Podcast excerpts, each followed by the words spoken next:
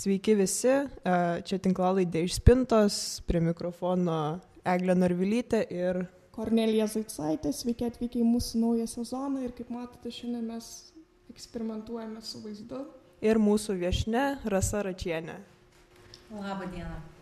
Tai jūs kaip, kaip, kaip aktyvistė tėvų uh, už LGBT vaikus, kas labiausiai motivuoja vat, jūs kovoti už vaikų teisės? Kur ir kaip atrodo ta riba, kai tėvai supranta, kad patys turi imti ir keisti situaciją? Na, toksai mm, klausimas, kuris e, ir turi pagrindimą ir neturi to pačiu pagrindimą, nes aš manau, kad visi tėvai, kurie susilaukia vaikų ar ne ir augina juos, tai šiaip ar taip kovoja už juos. E, kas tai bebūtų. Ir čia nėra jokio, aš tame, sakykime, netgi nematau turbūt kažkokio ryškaus išskirtinumo dabar atstovėti už tai, kad uh, turiu vaiką, kuris priskiria save LGBT bendruomeniai, ar tiesiog vaikas, kuris turėtų šiaip kažkokiu, tai sakykime, iššūkių gyvenime, nes, na, nu, kitaip aš negaliu turbūt netgi vardinti. Tai nėra nei problema, nei dar kažkas, tai tiesiog tai yra iššūkis, su kuriuo susidurėme ir galbūt tik tai tas ir visuomenės nepakantumas ir visa kita yra kiti tokie aplinkos veiksniai, kurie turi daug įtakos. Ir, sakykime, man kaip mamai tai nebuvo turbūt tokio labai didelio, nežinau, pasirinkimo, ką daryti toliau ir susiklošus tam tikrom situacijom, kai aš supratau, kad taip aš pasiruošusi savo vaiko interesus apginti viešai, aš tą ir padariau. Tai čia tiesiog yra iš to, kad mes esam tėvai ir, ir mūsų pareiga yra apginti savo vaikus. Su kokiais išoriniais iššūkiais tėvai susiduria aktyviai, jei nusprendžia prisidėti prie aktyvizmo? Uh, vat, uh, ten gali būti artimųjų atstumimas, gali būti dar kažkas, ar buvo kažkokių ten vidinių kovų su savim, vat, nusprendus uh, eiti į aktyvizmą? Aš vėl pasakyčiau, kad tai, tai nėra kažkoks tai pasirinkimas eiti į aktyvizmą.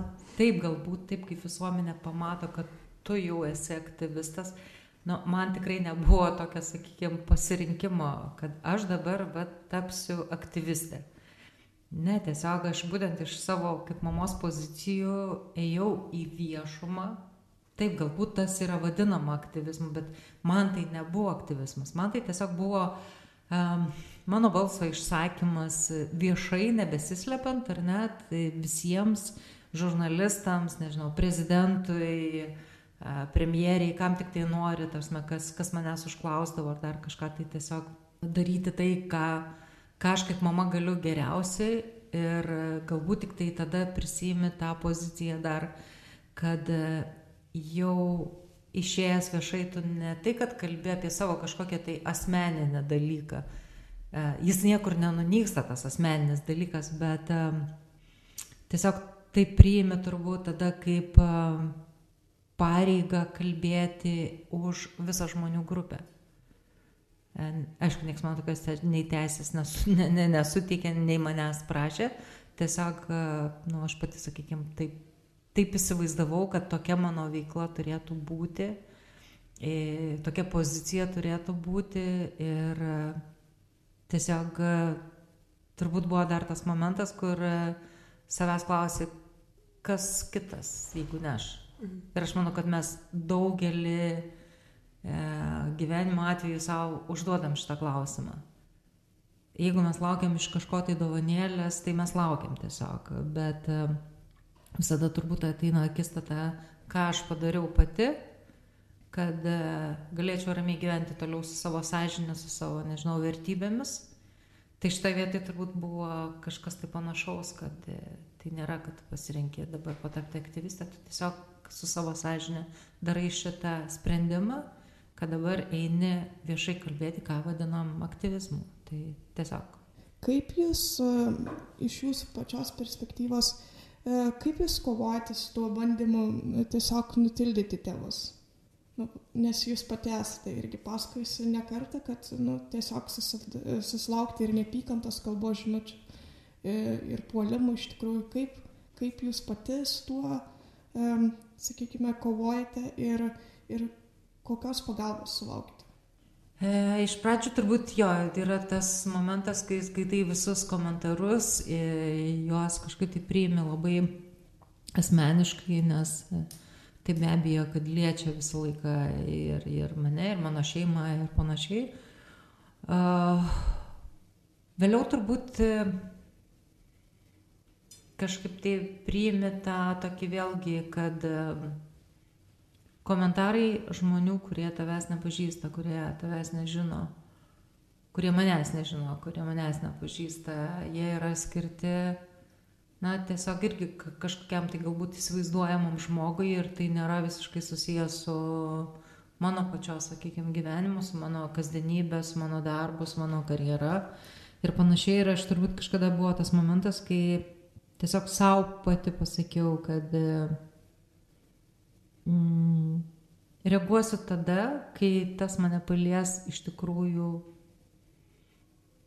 na, įvardinkim, gyvai, kai aš gatvėje susilauksiu konkrečiai kažkokio, tai nežinau, užgalaus komentaro ar ten fizinio veiksmo kažkokio, tai ne agresijos, a, kai galbūt, reiškia, pas mane nebetei žmonės gydytis, esu gydytoja pati, tažnai, ir, ir tiesiog būtent dėl šito.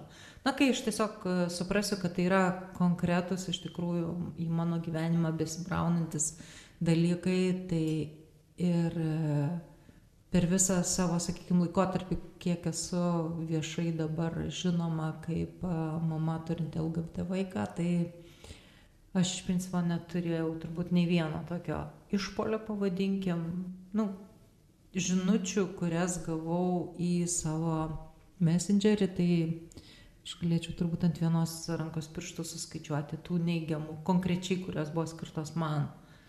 Tai, tai sakyčiau, kad e, viena yra, ką žmonės e, anonimiškai tiesiog sako ir ar tai verta uh, kažkokios reakcijos, aš manau, kad ne. Tai tiesiog reikia žiūrėti tai, kas tave iš tikrųjų paliečia ir, ir galbūt e, nekreipti dėmesio į tai, kas, kas, kas tavęs, kaip sakant, nu, nepriina iki tavęs gyvai.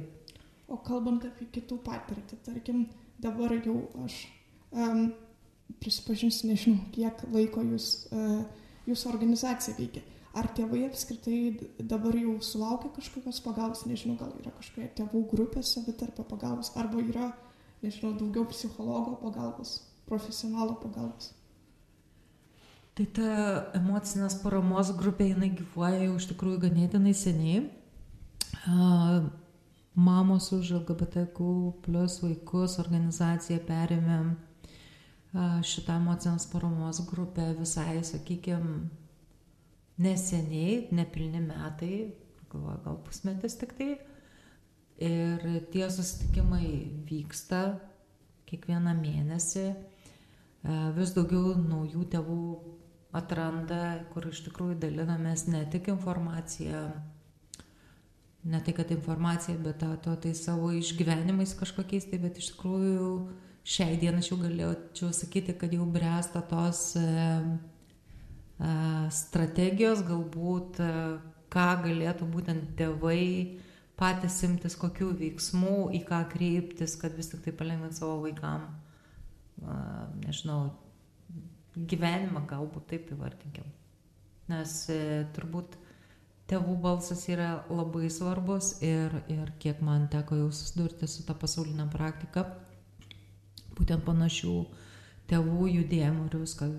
Tai tikrai visur girdim tą patį, kad tėvų balsas yra labai stiprus.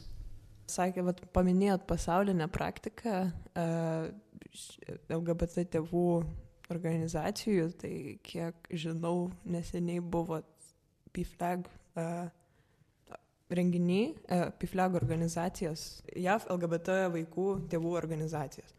Ir ar parsivežėt kažkokių idėjų iš tenai, ką, ką vat, pavyzdžiui, Lietuvoje panaudotumėt ar panašiai? Kuo skiriasi galbūt vat, jūsų kaip organizacijos veikla nuo anos organizacijos veiklos? Ar, ar čia buvo nelabai apie tai renginys? Pirmiausia, šitas renginys Vašingtone buvo paminėti būtent tėvų palaikančių savo LGBT vaikus 50-mečiui veiklos. Tai reiškia, kad 50 metų jie jau veikia ir iš tikrųjų ta organizacija yra išaugusi didžiulį tinklą um, įvairių, reiškia, ten tų mažesnių organizacijų, kurios tarpusavį susiję į, į didelę, sakykime, vien apimančias tikrai visas uh, Junktinių valstijų valstijas. Ir uh, jų balsas girdimas jau tiek metų. Jeigu taip istoriškai žiūrint, tai prieš 50 metų irgi buvo faktiškai viena mama, kuri užkūrė, pavadinkim, tą judėjimą. Tai kadangi Lietuva šiaip ar taip atsilieka turbūt nuo, nuo vakarų valstybių, tai, tai mes turbūt šiai dienai iš tikrųjų ir turim tą vat, pradžią kaip Amerikoje prieš 50 metų. Tikrai nesu viena, tarsime, bet, bet principas turbūt yra kažkoks kūrimosi labai panašus. Tai, tai tos idėjos, sakykime, matant, kiek jų ten yra ir ką jie, sakykime, daro, tai be abejo, kad tai tas įkvepia ir, ir tada tikrai kilo noras, kaip sakant, tą organizaciją mūsų tik tai auginti. Aišku, tenai žmonės, sakykime, tai yra kaip darbas Tai yra vis tiek jie, kad kažkokią dalį laiko skiria jau grinai darbui pačios organizacijos viduje. Ir tas yra suprantama čia bet kurią turbūt paėmus e, organizaciją, su kuo jinai bebūtų susijusi. Tai negali būti tik tai kaip tokia, kaip pavadinkim, podarbinė veikla, kur tu tenai, nežinau, kars nuo karto tik tai kažką tai padarai. Tai tas turbūt ir davė irgi tą supratimą, kad kol mes neturėsime žmonių, vėlgi, kurie galės kiekvieną dieną, sakykime, skirti po kelias valandas, kažką tai, nežinau, planuoti, daryti ir panašiai, tai, tai mes tol, kaip sakant, ir, ir būsime tokios galbūt mažiau matomos, bet iš kitos pusės negali nei vieno įvykio nei paspartinti, nei palėtinti. Jisai tiesiog vystosi taip, kaip vystosi. Tai tikrai mamos šiai dienai yra, jų vis tikrai darosi, jungiasi daugiau. Tai visi šitie dalykai, sakykime, gali tik tai džiuginti, kad tikrai tie tėvai nenusisuka nuo šitos problemos ir manau tiesiog reikia sustiprėti, kad, kaip sakant, jau atsirastų ir dirbančių žmonių, ir gyvuojančios organizacijos Iš tikrųjų, galbūt iš savo ofisų, nežinau. Grįžtant šiek tiek į Lietuvą. Um, norėčiau paklausti, nes jūs jau minėjot, kad iš tikrųjų jūs matote savo organizacijos prasme ir svarbą, tai gal galėtumėte šiek tiek daugiau įvardinti, ką, um, sakykime, unikalaus kalbant apie e, LGBT teisų gynimą ir įtvirtinimą Lietuvoje atneša mamos už LGBT vaikus. Aš manau, kad e, vienas e, labiausiai matomų dalykų jau e, buvo būtent prieš daugiau turbūt negu metus laiko. Tai buvo šventės suorganizavimas visos šeimos svarbios, skirta, reiškia, tarptautinės šeimos dienos proga, kur katedros aikštėje iš tiesų buvo didžiulis renginys, padedant laisvės televizijai prisijungusiems iš tikrųjų buvo ir diskusijos, buvo ir koncertai, sudalyvavo visi valdžios atstovai, tasme tiek Seimo pirmininkė Viktorija Čmiltė Nilsen, tiek premjerė Ingrida Šimonytė, tasme, kurios irgi lipo ant scenos kalbėjo ir, ir pasisakė. Prezidentas taip pat buvo sutikęs, davęs leidimą transliuoti jo kalbą, tai aš manau, kad Tai buvo turbūt tikrai ryškus renginys, ką suorganizavo mamos. Ir tikiuosi, kad tokių ryškių renginių, o galbūt, nežinau, ir, ir mažiau šviečiančių mes tikrai ateityje dar turėsim. Tai šitą renginį ir pavardinčiau šiai dienai kaip tokį vieną turbūt ryškiausią. Ko jūsų organizacija tikisi iš kitų, sakykime, nevyriausybinio organizacijų arba aktyvistų, kurie dirba su žmogaus teisėmis arba konkrečiai jau LGBT teisų užtikrinimu. Mhm. Tikrai mes e, turim pastoviai, sakykime, palaikymą iš žmogaus teisų centro e, ir e, iš lygių galimybių kontrolieriaus įstaigos, kur tikrai ar, ar kilus kažkokiam klausimui, ar tiesiog bandant kažką, tai sakykime, paruošti kažkokią medžiagą, visada mes turim e, žmonės, kuriuos galim kreiptis ir, ir su kuriais bendradarbiaujam. Ir pasakysiu dabar tokį visai galbūt priešišką netgi dalyką. Iš principo aš turbūt matyčiau labai didelę reikšmę turėti tarp palaikytojų ne žmogaus teisų aktyvistų. Būtent kitų organizacijų, kurios galbūt yra mažiau susijusios netgi su žmogaus teisėmis, bet kad jie suprastų, nes e, iš principo, norint pokyčių visuomeniai, reikia mums visiems iš tikrųjų pradėti susikalbėti ir susitarti dėl įvairių dalykų. Tai čia galbūt yra toks ne visai standartinis atsakymas. Dabar prisiminiau irgi, kiek šnekėdavom už, už laidos ribų, e, pasakojot, iš kurios ten šalies, e, kad labai jie paleido reklamą su paprastos šeimos ten kažkokiais e, įprastais e, dienos epizodais. Ir e, vat, tą reklamą leido ir vis daugiau palaikymo sulaukė ar partnerystės statymas, ar santoka. Santoka. Kurioje čia šalyje buvo? Papasakokit plačiau gal. Ne, tiesiog Kostarikoje, reiškia, irgi buvo pribrendęs jau tas klausimas, pavadinkim, teisinti santoką neutralią lyčiai. Tai reiškia, ta, kad galėtų tuoktis vienos lyties asmenis ir jie tuo metu šalyje turėjo apie 40 procentų palaikymo. Iš principo trūko, kad persverti reiškia virš 50 procentų, daugiau truputėlį negu 10 procentų ir jų idėja būtent buvo parodyti tą kasdienį gyvenimą šeimos, reiškia, kur, kur gyvena žmonės, reiškia, priskirianti save LGBT bendruomeniai. Ir per pusę metų, reiškia, transliuojant tas reklamas geriausių laikų, jiems pavyko palaikymą visuomenės pakelti 12 procentų iki 52 procentų ir šaly buvo priimta santoka. Santokos tašmė įstatymas. Tai tai kuo dalinosi, sakykime, jie patys, vat, būtent tos konferencijos metu.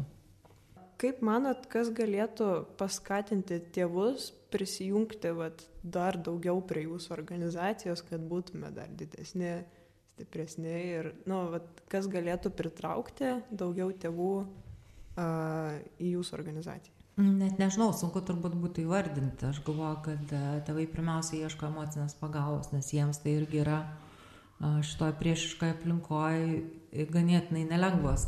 Aš vardinčiau mylėti toliau savo vaikus taip, kaip jie myli. Nekalbėsiu apie tos tėvus, kurie, sakykime, nepriima, kurie atsisako, kurie pasmerkia, kurie nori išgydyti tos vaikus. Mūsų grupė renkasi tikrai tie tėvai, kurie absoliučiai, sakykime, išreiškia palaikymą savo, savo vaikams. Tai man sunku atsakyti turbūt, ką reikėtų padaryti. Tiesiog galbūt iš tikrųjų kuo labiau mes, nežinau, kaip, kaip net tiksliai vardinti, normalizuosim tą visuomenę, kad mes nekalbam apie kažką tai kitokio. Galbūt tada irgi, sakykime, atsiras daugiau tų tėvų, bet šiai dienai vėlgi tikrai tėvai ieškosi tos bent jau emocinės paramos, e, tikiuosi, kad jie gauna atėję nes tikrai daug kas pasilieka, kai kurie turbūt e, gavę kažkokio, tai nežinau, palaikymo, tiesiog paskui tą grupę vėlgi nesijungia, nes tai tu neturi, kaip sakant, pastoviai būti emociškai sužlugdytas ir, ir tai turbūt natūralu yra, kad vieni ateina, kiti išeina. Va, bet e, tokių, va, sakykime, mes turbūt apie skirtingus dalykus, aš mes, va, vėlgi kalbam, kad e, mes kaip ir irgi tai jau matom kaip organizacijos dalį, tą emocinės paramos grupę, bet e, iš principo per ją irgi, kaip sakant, visada ieškai tų mamų ar tėčių, kurie a, norėtų vat, aktyviau įsijungti ir iš tikrųjų ir, ir, ir, ir būti jau tikrai organizacijos dalimi. Turit ir tėčių, ne organizacijai? E, tikrai jungiasi ir tėčių. Smagu girdėti. O ar, ar, ar turit tėvų, kurie vat, neturi LGBT vaikų, bet, e, bet vis tiek prisijungia organizacija. Nėra kol kas, ne? Man. Tai va, tai dėl to, sakykime, ir tai, ką aš sakiau, kad e, tas bendradarbiavimas būtent su kitais žmonėmis, kurie neturi tiesioginio sąsajų su LGBT ar ten vaikais ar, ar kažko tai, tas na tas yra tikrai labai svarbu. norėjau paklausti, ar, e, bet, e, sakykime, tas dėmesys, kurio jūs pati sulaukite, ar tai paskatino, nežinau, daugiau tėvų ieškoti pagalbos, galbūt daugiau žmonių apskritai kreipiasi jūs, e, klausdami, kur ieškoti informacijos, kaip padėti savo vaikui. Tiesiog, vat, ar jūsų pačios pavyzdys padeda, sakykime, daugiau tėvų pritraukti prie. Jo, tikrai taip, tarsi, nesgi, sakykime, po to jau viešo e, pabuvimo, ypatingai po apsilankimo pas e, prezidentą, tai turbūt didesnioji dalis tėvų per, per tai ir susirado mūsų organizaciją. Tai buvimas viešumoje, sakykime, be abejo, kad e, matomumas jisai įkvepia žmonės uh, ieškoti, pagaliau imti kažkokį tai pavyzdį, nes tikrai aš ten vertinant netgi tuos geruosius komentarus, kurių tikrai nesuskaičiuočiau, kiek aš jų esu gavusi, tai, tai būtent ir prasideda, kad pirmiausia, kad, na, o labai smagu matyti tai palaikančią mamą ir panašiai, ir panašiai, kad tai be abejo, kad matomumas yra irgi labai svarbus veiksnys. Kokią įtaką įgyta patirtis daro jūsų požiūrį į žmogaus teisės ir aktyvizmą? E, ar kažkaip keičiasi, ar buvo pat pradžioj tikėjotės vieno, gavot kitą. Jūs atėjot, sakėt, kad ne kaip į aktyvizmą, bet vat, nu, gavosi, kad žmonės jūs vis tiek laiko aktyvistę. Uh, ar, ar kažkaip, nežinau, ar keičiasi, po, ar keičiasi vaizdas į tai, kaip jūs atėjot vat, į šitą vaizdą, ar tikėjotės, kad čia bus kažkas didelio, ar, ar gavot tai, ko tikėjotės pradžioj? Aš turbūt nieko nesitikėjau įdama, man, tiesiog buvo svarbiau išreikšti poziciją Ir, ir tikrai, kad ten mano šeimų kažkas tai pasikeis, tai aš nesu tokia naivi ir, ir, ir tikrai suprantu, kad norint pokyčių visuomenį, jeigu mes kalbam apie pokyčius, ar ne, tai, tai reikia turbūt e, ne vienerių metų ir ne vieno pavyzdžio. E, bet būtent to, to matomumo ar dar kažko tai kito, tai galbūt tas mane tik tai būtent paskatino toliau galbūt eiti ir, ir tie patys uh, dalyvavimas rinkimuose į savivaldybę turbūt irgi buvo išdavo to, kad kai pradedi eiti iš to keliu, tiesiog tada, tada galvoji, kaip dar per ką tu galėtum tiem žmonėm padėti. Tai pirmas žingsnis, aiškiai, kai tu patampi matomu, viešu žmogumi, kalbančiu, vėliau nori taip, galbūt turėti įtakos kažkokiem kitokiem sprendimam, nežinau, pridėti savo balsą prie, prie reikalingų įstatymų išleidimo. Bet ir kalbam dabar, nes paprastai yra tokia situacija, kad e, žmonės prisijungia prie aktyvizmo, bet jie nemato greitai kažkokių pokyčių visuomenė ir tada tas, ta motivacija nukrenta ir žmonės ir pasitraukia ir nusivilia aktyvizmu ir jūs kaip tik dabar esate pasukusi į politiką. Tai tiesiog yra šiek tiek įdomu, ar, ar ta patirtis um, E, nevyriausybinėme sektoriu, tarkim, nes jūs sukūrėte organizaciją, ar ji kažkaip e, padarė įtaką tam žingsniui. Jūs tiesiog matote politiką kaip tokį kitą žingsnį, ar tiesiog matote daugiau galimybių siekti pokyčių tame?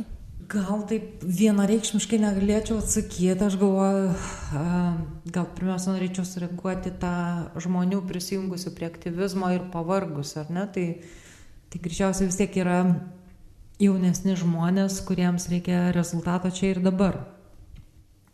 Tai aš turbūt visą gyvenimą kovojusi už sveikesnius vaikų dantis ir tikrai tam įdėjusi labai daug savo profesinės, sakykime, patirties ir, ir visko, tai tas turbūt man jau automatiškai yra suformavę kažkokią tai supratimą, kad greitai dalykai nevyksta, netgi norint paties menkiausio pokyčio, ką aš dabar, sakykime, netgi matau savivaldybėj, dirbdama toj pačioj sveikatos rytyje, kad e, iš tikrųjų reikia labai labai daug darbo įdėti, kad bent jau menkiausias pokytis vyktų, tai, tai vėl turbūt prie to paties grįšiu, kad e, aš suprantu, kad greitai nepasidaro niekas ir visi tie mano posūkiai ir nežinau, ar tam pasirinkimas būtent dabar e, eiti į politiką, Taip, tai buvo išdava galbūt e, to stiprėjimo, kad e, būnant e, tiek su sveikata susijusio žmogaus, tiek už žmogaus teisės kovojančio žmogaus, tai, tai turbūt kažkaip tai savaime, natūraliai tiesiog susidėlioja, kad gali pabandyti ir dar kitas rytį, kurios nesi išbandęs. Ir tikrai yra ganėtinai įdomu stebėti visus tos politinius procesus ir be abejo, kad pat patirčiai kaupiantis galbūt tenai, nežinau, dar, dar atsiras kažkokių tai iššūkių, kuriuos norėsis iš tikrųjų įveikti ir jeigu juos pavyks įveikti, tai labai, kaip sakant, būsiu laiminga. Ar pavyksta bent kažkaip, vat, dirbat tarybai? Ar būna, vat, kam pavyksta kažkiek pakeisti ten, pavyzdžiui, požiūrį į LGBT žmonės iš pačios tarybos vidaus, nes labai įdomu, kaip ten procesai vyksta. Mes matom viską, kas vyksta Seime ir e, kaip žmonės ten vieni prieš kitus kovoja, gal kažkas pakeičia nuomonę, kažkas nepakeičia. Ar būna, kad, ar, ar tarybai būna tų pasikeitimų, kur, pavyzdžiui, nežinau, Žinau, kad kai buvo LGBT žmonių matomumo diena, kažkaip taip vadinasi, ta tarptautinė, ir buvo ant Rotožės aikštės didelė vėliava uždėta. Ir kažkas ją vis tiek inicijavo. Ir ar buvo, bet, pavyzdžiui, ten, kas buvo didelis pasipriešinimas ir tada galbūt sutiko daryti ar panašiai, kaip ten procesai vyksta, nes, sakau, Seime mes matom viską viešai tarybos posėdžiai. Tai savivaldybė, sakykime, nesprendžia pirmiausia LGBT žmonių klausimų iš esmės turbūt ir tas, kas vyksta Seime, truputėlį yra mm, visai kita, kaip sakant, aplinka ir, ir kitas lygis. Tai savivaldybė keletą metų išėlės jau turėjo tiesiog tą tradiciją, būtent dienos prieš homofobiją, man atrodo, ne, progą apšviesti pagrindinius objektus, nu, tame tarpe į rotušę, būtent vaivorykštės spalvom. Tai šiais metais tik, kiek žinau, kad tiesiog e, liktas buvo primiršta, bet e, paraginus žmogaus teisų komisijos pirmininkiai, kreipusis, aiškiai, į savivaldybės atitinkamus e, atstovus, aiškiai, ta, tas buvo padaryta tiesiog. Tai gal mes tokį labiau turėję tik tai būtent žmogaus teisų komisijai, kurioje irgi dalyvauju tą susidūrimą, kai pritarėme moksleivių kreipimusi dėl gyvenimo įgūdžių pamokų. Tai iš opozicijos, sakykime, jo, tada jau buvo tokių daug vienos mens tiksliau, kuris dalyvauja ir kitoje veikloje, tenai tokių ryškesnių, sakykime, pasipriešinimų, bet tai viskas vyko laiškais ir, ir tokio Nu, viešo, sakykime, nebuvo kažkokio tai viešos kovos. tai manau, kad visą tai galbūt dar ateityje, nes vis tik tai šita veikla man yra visiškai nauja ir, ir tai yra tik tai nu, geras pusmetis, kai čia dalyvauju. Jūs iš tikrųjų palėtėte svarbu ir gerą aspektą, kad savivaldybėje nelabai, savivaldybės darbai nelabai aktualūs yra žmogaus teisų klausimai. Ir tai dažnai yra keista, nes savivalda yra arčiausia žmogaus, mes Seimą tiesiog stebime, o savivalda toje tu gali pats daugiau dalyvauti ir pats e, kontaktuoti su tais žmonėmis. Tai vat, man įdomu iš jūsų patirties ir perspektyvos, kaip būtų galima daugiau atnešti žmogaus teisų klausimų į, į savivaldos, sakykime, tą sferą.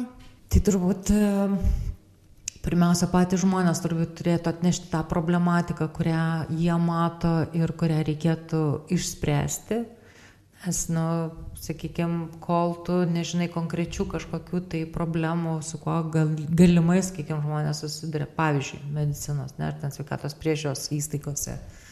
Ir apie tai mes kaip tik ir su mamomis kalbėjome, kad tiesiog susirašyti problemas, su kuriomis yra tėvai susidūrę konkrečiai ir tada jau bandyti kažkokius tai pokyčius daryti. Tada galbūt kalbėtis, nežinau, jeigu kalbam apie sveikatą, pažiūrėjau, ne, tai galbūt kažkokią informaciją gydytojam kalbėtis, galbūt kažkokias tai nuostatus a, paruošti, ką, kuo galėtų vadovautis jau, sakykime, savivaldybei dirbantis gydytojai, ir ne, kad išspręsti būtent pagerinti LGBT žmonių, nežinau, jauseną ar ten prieinamumą kažkokiam sveikatos priemonėms. Aš nežinau, tasme, nu, nei, nei santokos, nei kažkaip tai teisų nu, pati savivaldybė jinai negali padaryti iš viršaus, ar ne? Tai viskas, kas tas susijęs su kasdieniu gyvenimu, su kažkokiu tai, nežinau, pasipriešinimu. Tai, ok, tarsi, patyčios mokykloje.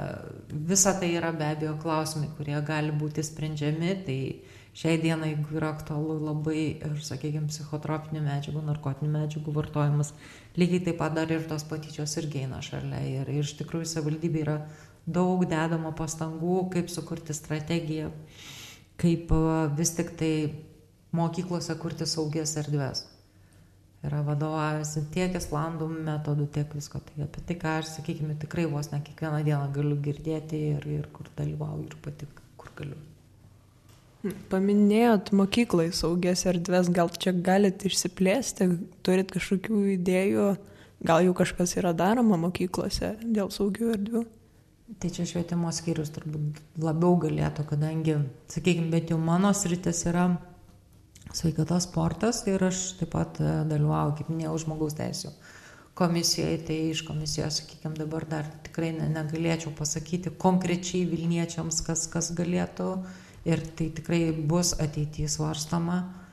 O sveikatos sportavimas, sakykime, tai jo, tai yra sritis, kur aš turiu šiek tiek jau informacijos, kur galėčiau galbūt komentuoti, tai apie mokyklų, sakykime, tas saugias erdves, tai kad šiai dienai, sakau, yra tiesiog e, svarstoma ir ne tik, kad svarstoma, bet jau ir dėgiama tam tikrose mokyklose būtent saugių modelių kūrimas, tai tikrai taip.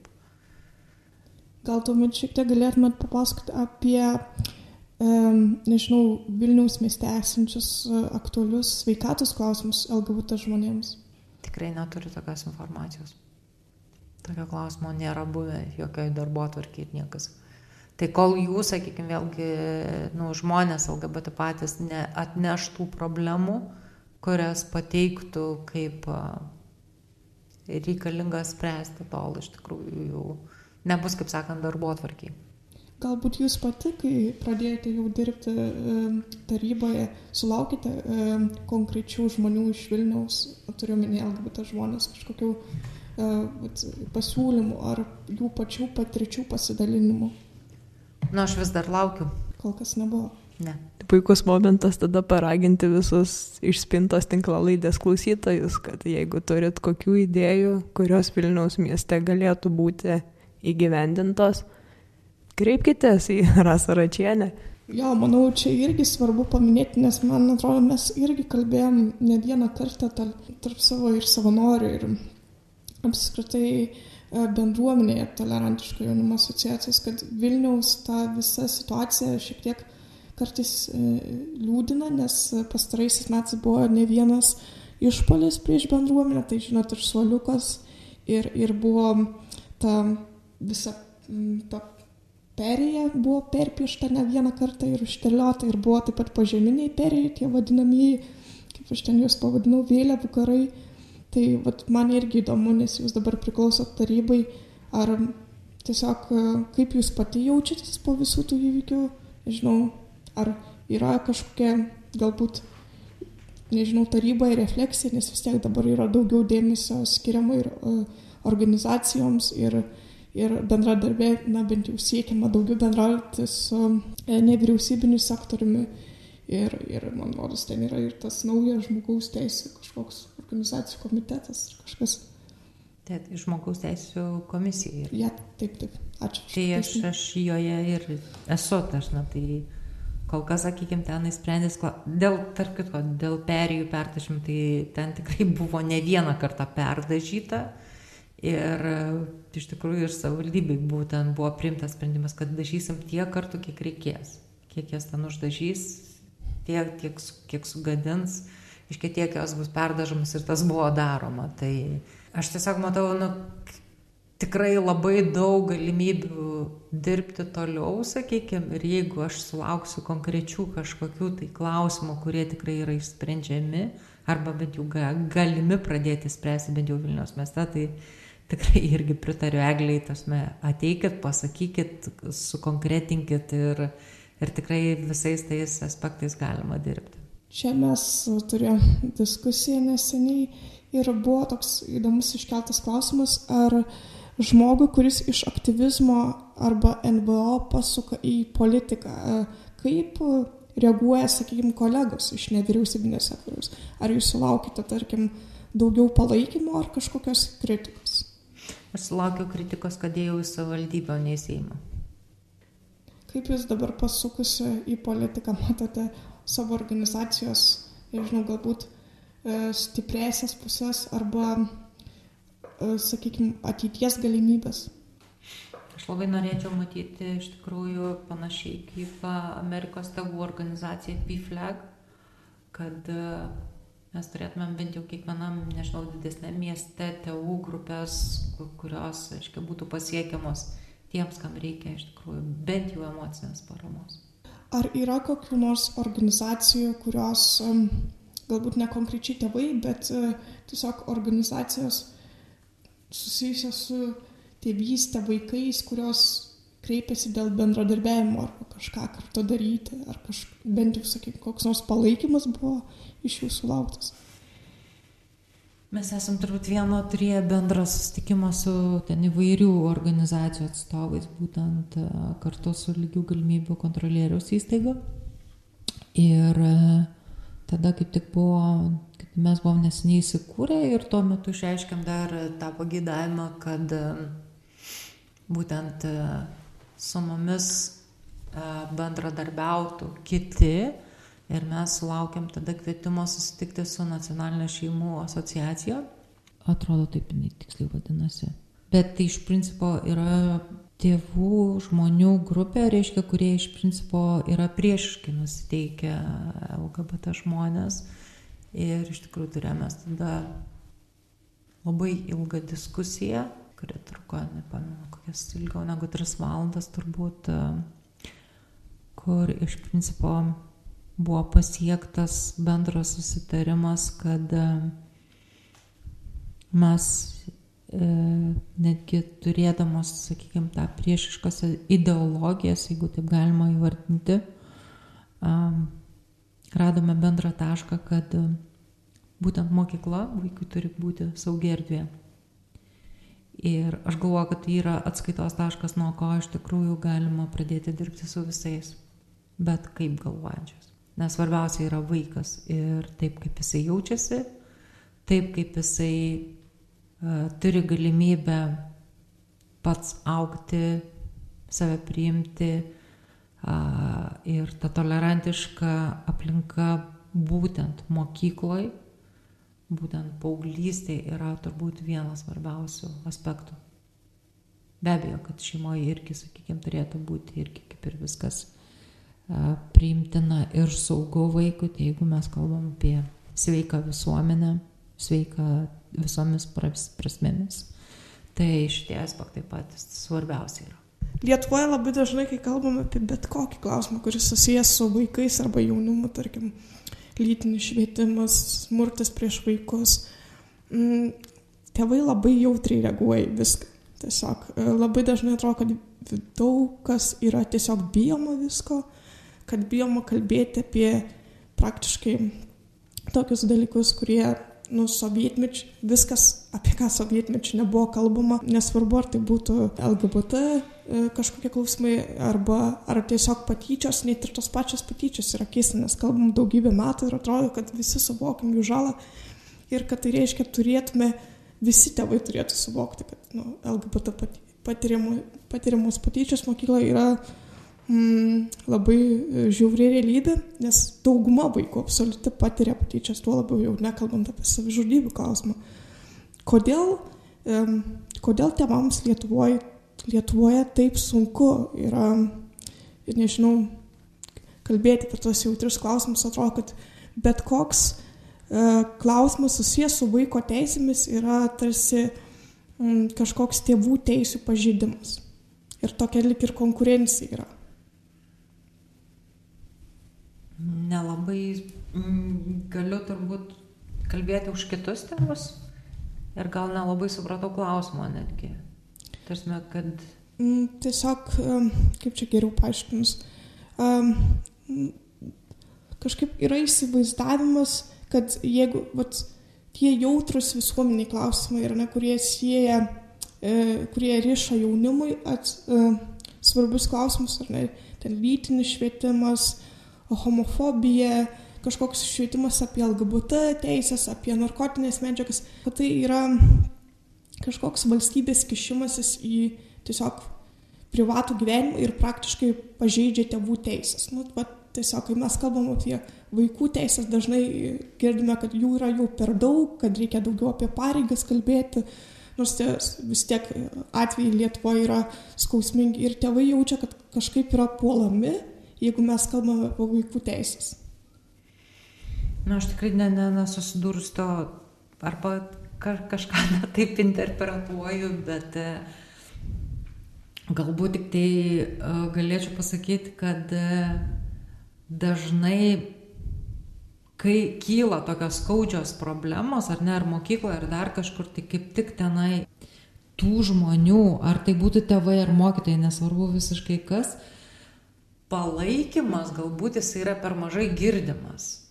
Man tai va tas galbūt aspektas labiau yra, kurie sako, savo kažkokioj aplinkoje, nežinau, savo draugui, savo kaimynui, kad e, tie žmonės ten yra skriaudžiami, ar ten va, tų patyčių čia neturėtų būti, bet jie, sakykime, netgi turbūt mokyklos susirinkime neišdrįsta to pasakyti e, kaip užtariančiųjų, sakykime, balsais, ar net daugiau tenai, kas priešiškai nusiteikia Pavyzdžiui, ne, ten, jeigu norima pravesti kažkokią, nu, kiek aš girdėjus ir iš jūsų organizacijos, vat, pavyzdžiui, norit pravesti kažkokius mokymus mokykloje.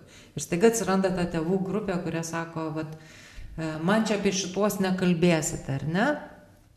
Galbūt yra ta vat, grupė tėvų, kurie kaip tik norėtų, kad būtų suteikta informacija, bet jų nesigirdi visiškai. Tai aš čia turbūt matyčiau tą problematiką, kad lietuviai iš principo, na, jie nėra tokie garsiai palaikantis. Ir tada, kai girdisi tik tai priešiškai nusiteikusi balsai, atrodo, kad jų yra daug, nors iš principo, na, aš nežinau, kokie tie tikrieji skaičiai šiai dienai galėtų būti. Nežinau, ar atsakiau klausimą, bet, bet kažkaip man šitaip atrodo, nu, suinterpretavau. Dėkuoju. Apie tą, kad man čia nešnekėsit apie šitos, Tai vat, mūsų irgi tolerantiško jaunimo asociacija, kaip bando, e, tarkim, į mokyklas papulti su edukacijom kažkokiam, e, irgi dažnai būna, kad ten nu, direktoriai ar ten mokyklos administracija atstumė jau vien pamatę, kokia yra organizacija. Tai e, būtų įdomu padaryti gal kažkokias apklausas tėvų tose mokyklose ir pasižiūrėti, kiek iš tikrųjų galbūt norėtų, kad ateitų pašnekėti šitomis temomis. Manau, kad visada apklausos yra gerai, tiesiog aiškinantis bet kokią, sakykime, bet kokį klausimą ir keliant jį. Tiesiog turėti iš tikrųjų tada jau tikrus skaičius, į ką galima atsiremti, bet nesiremti būtent į tik tai kažkieno tai garsiai išsakomą nuomonę. Ir tam, aišku, be abejo, kad reikia įdėti daug darbo.